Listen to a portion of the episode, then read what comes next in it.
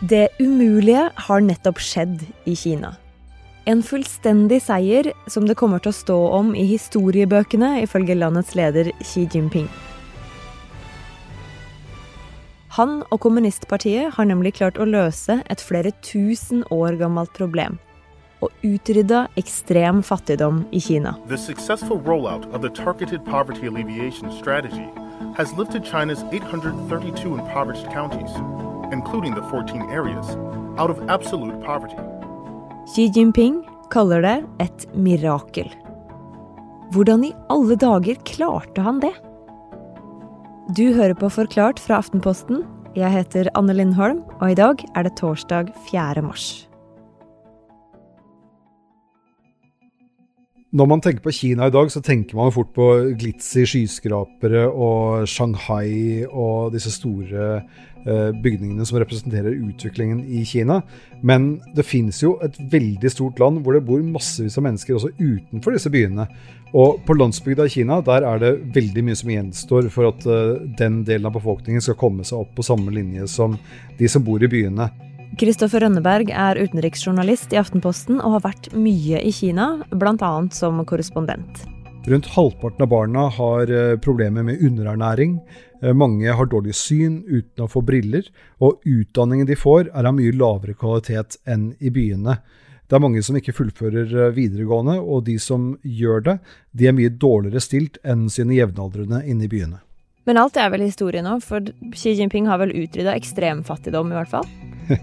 ja, altså Xi Jinping han sier at uh, han og partiet har utryddet ekstrem fattigdom i Kina. Og det er uh, en sannhet som man kan ta med en liten klype salt, fordi tall det er jo sånt man kan justere etter uh, den sannheten man vil fram til. Ok, så det er kanskje ikke så mirakuløst likevel. For Verdensbanken mener at de som har mindre enn 1 dollar og 90 cent å leve for om dagen, de lever i ekstrem fattigdom. Og den grensa har fått kritikk for å være for lav. Men Xi Jinping og Kina, de har sin egen grense. Kinas myndigheter har satt en grense for ekstrem fattigdom på landsbygda på uh, rundt 1 dollar og 70 cent om dagen, litt avhengig av vekslingskursen. Og den uh, summen, 1,70 dollar, den er litt lavere enn hva Verdensbanken har satt som en grense for ekstrem fattigdom, som ligger på 1,90. Og Det betyr at uh, man må også tjene mindre for å komme forbi den terskelen i Kina enn hva Verdensbanken mener at man må gjøre. Så det er rett og slett litt juksing med tallene, da? Det er i hvert fall en justering for å kunne oppnå et politisk mål om å si at man har utryddet ekstrem fattigdom. I tillegg så, så, bør man jo også se på konteksten. Altså hva slags land er det Kina er, og hvor langt har Kina utviklet seg? For den grensen til uh, Verdensbanken på 1,90, den gjelder ekstremt fattige land. eksempel F.eks. kan ta Etiopia som et eksempel. Mens Kina eh, har jo utviklet seg veldig disse siste 40 årene. Og um, hvis man leser uh, f.eks. tankesmien Brookings har skrevet om dette nylig, og mener at Kina bør sammenligne seg med land som ligger i et mer mellominntektsnivå. Og da bør man, ifølge denne rapporten fra Brookings, eh, operere med 5 dollar og 50 cent som et mål for, for, inntekt, også på landsbygda. Og Det er jo da en veldig mye høyere terskel, og hvis man bruker den, så er Kina langt, langt unna målet om å utrydde fattigdom. Hvorfor har det vært så viktig for Xi eh, å løfte kinesere på landsbygda ut av fattigdom? Det å løfte kineserne ut av fattigdom, det, det, er ikke Xi Jinping som har funnet på det. Det har vært et prosjekt for kommunistpartiet i, i lang tid, og spesielt de siste fire tiårene etter at Mao Zedong døde i 1976.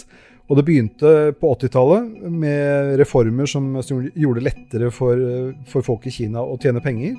Og så har Xi Jinping, etter at han kom til makten, lagt større vekt på landsbygda for å få de som tjener aller minst, til å tjene litt mer, sånn at den ekstreme fattigdommen forsvinner fra Kina. Og Det er der vi har sett den største utviklingen nå det siste tiåret.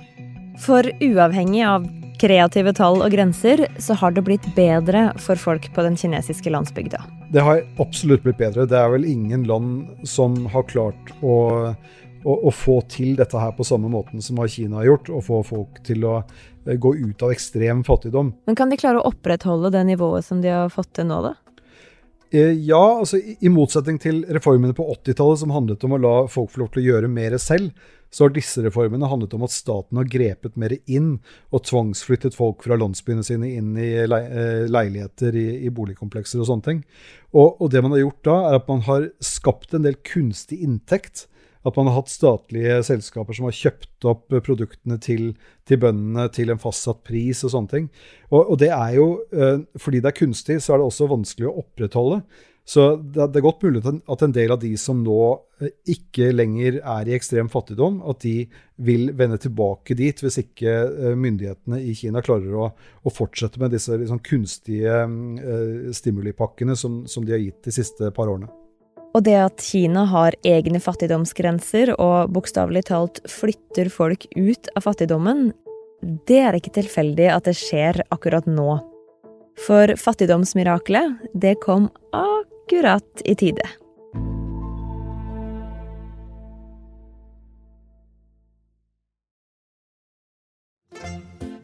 Hvis jeg skulle tegnet et bilde av eh, en kinesisk politiker, så ville det vært en mann i 50-60-årene med eh, veldig pent kjemmet hår med skill.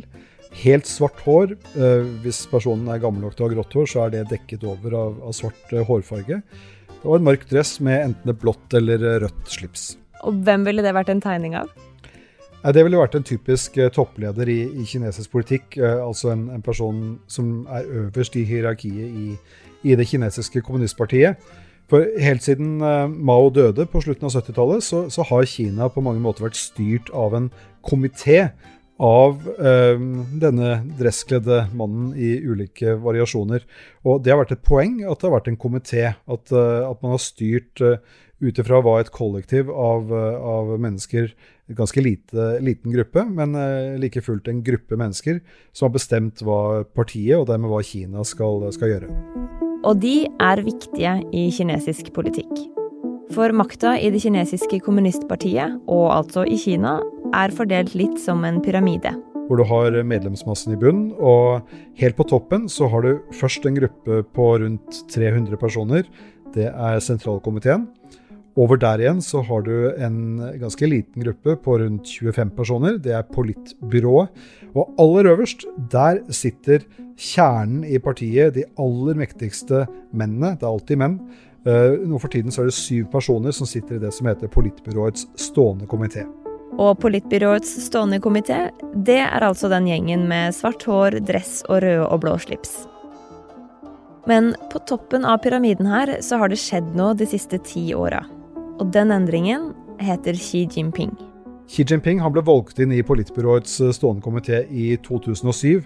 Det husker jeg godt. Da satt jeg i Folkets store sal i Beijing og, og så ham komme inn uh, som en del av denne gjeve gruppen helt på toppen av partihierarkiet. Og så ble han etter hvert leder av partiet i 2012. Og i løpet av den tiden som har gått siden da, så har han klart å liksom bevege seg langt over uh, dette, denne komiteen av menn på toppen av partiet. Så nå har du, i den pyramiden jeg snakket om, så har du et, et, liksom et punkt som ligger over pyramiden, over politbyråets stående komité, og det er Xi Jinping. Så nå er det ofte han, og ikke en ansiktsløs svarthåra dress fra partiet, som snakker om hva Kina får til når statskanalen legger ut videoer med pompøs bakgrunnsmusikk og bilder av vakker natur.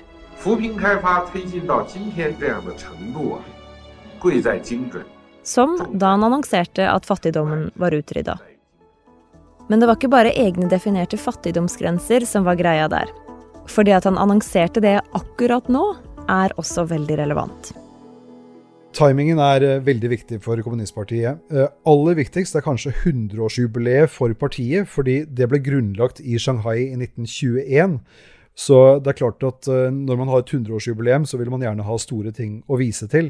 Og veldig få ting kan være større enn å gjøre akkurat det som Xi Jinping gjør, gjør nå. og si at man har blitt kvitt et problem som har eksistert i tusenvis av år, nemlig ekstrem fattigdom. Og I tillegg til dette 100-årsjubileet så er eh, Kina, Kinas kommunistparti nettopp ferdig med sin 13. såkalte femårsplan. For de liker å lage langtidsplaner i, i femårsperspektiv. Nå skal de begynne på den 14. femårsplanen.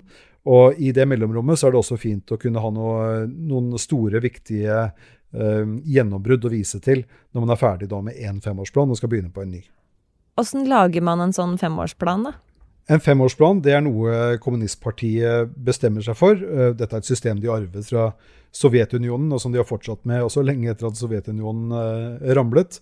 Eh, så partiet bestemmer det. Så legger de eh, fram femårsplanen for eh, nasjonalforsamlingen, som godkjenner partiets politikk. Og det, det, kan jo på mange måter virke litt som det vi har i Norge, at Stortinget vedtar lover som regjeringen foreslår. Men i Kina er det ikke helt sånn. Dette med nasjonalforsamlingen det er for å gi et inntrykk av en form for demokrati. Men nasjonalforsamlingen i Kina har ennå til gode å avvise noe som partiledelsen har foreslått. Så det er på en måte bare et verktøy for å, for å gi det et, eh, si et, et skall av, av, noe annet enn at det bare er partiet som bestemmer. Så, så det, det, har aldri skjedd det at nasjonalforsamlinga har sagt til partiet at nei, dette går vi ikke med på? Nei, nasjonalforsamlingen i, i Kina den er der for å vedta partiets politikk, ikke for å utfordre den. Og i dag så møtes to store forsamlinger med en haug med dresskledde mennesker i store saler i Beijing for å vedta politikken. Det ene er eh, nasjonalforsamlingen, eh, kjent som National People's Congress. Og så har du en annen forsamling som ikke er eh, nasjonalforsamlingen, men en rådgivende gruppe. Dette kan være folk fra forretningslivet eller fra, fra, andre deler av samfunnet, som skal gi råd til nasjonalforsamlingen og til myndighetene om hva man kan gjøre fremover. Og Dette er også noe som er et ledd i, i kinesiske myndigheters forsøk på å si at de er et eh, slags demokrati, at de har disse to møtene i, eh, i nasjonalforsamlingen og den rådgivende forsamlingen. Og så skal jo de vedta og godkjenne den politikken på de to møtene. Og hva er det de nye planene kan inneholde? Det viktigste i den nye femårsplanen det er nok eh, en veldig tydelig prioritering av, av forbruk i Kina. At man istedenfor å vokse ved å eksportere masse, så skal man bruke mer tid og ressurser på å, å få kineserne til å bruke mer penger på kinesiske varer. Det, det, er et veldig viktig element. Et annet viktig element det er å skape uavhengighet på teknologifronten, både når det gjelder produksjon og innovasjon. At uh, Kina skal produsere og utvikle sin egen teknologi, og ikke være avhengig av det de får fra utlandet. Så dette er et steg videre på veien for Kina, eh, som ønsker å bli en økonomisk supermakt. Så om akkurat fem år, da, rett før neste femårsplan, hva slags eh, mirakel er det Xi Jinping og politbyrået kan ha utretta da?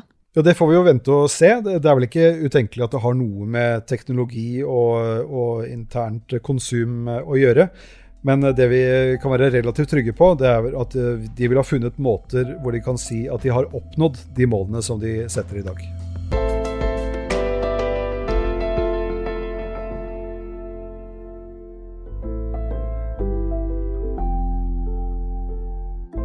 Denne episoden her er lagd av produsent David Vekoni og meg, Anne Lindholm. Resten av Forklart er Caroline Fossland, Fridi Nesten Onsdag, Ina Swann og Marit Eriksdatter Gjelland. Du hørte lyd fra nyhetsbyrået AP.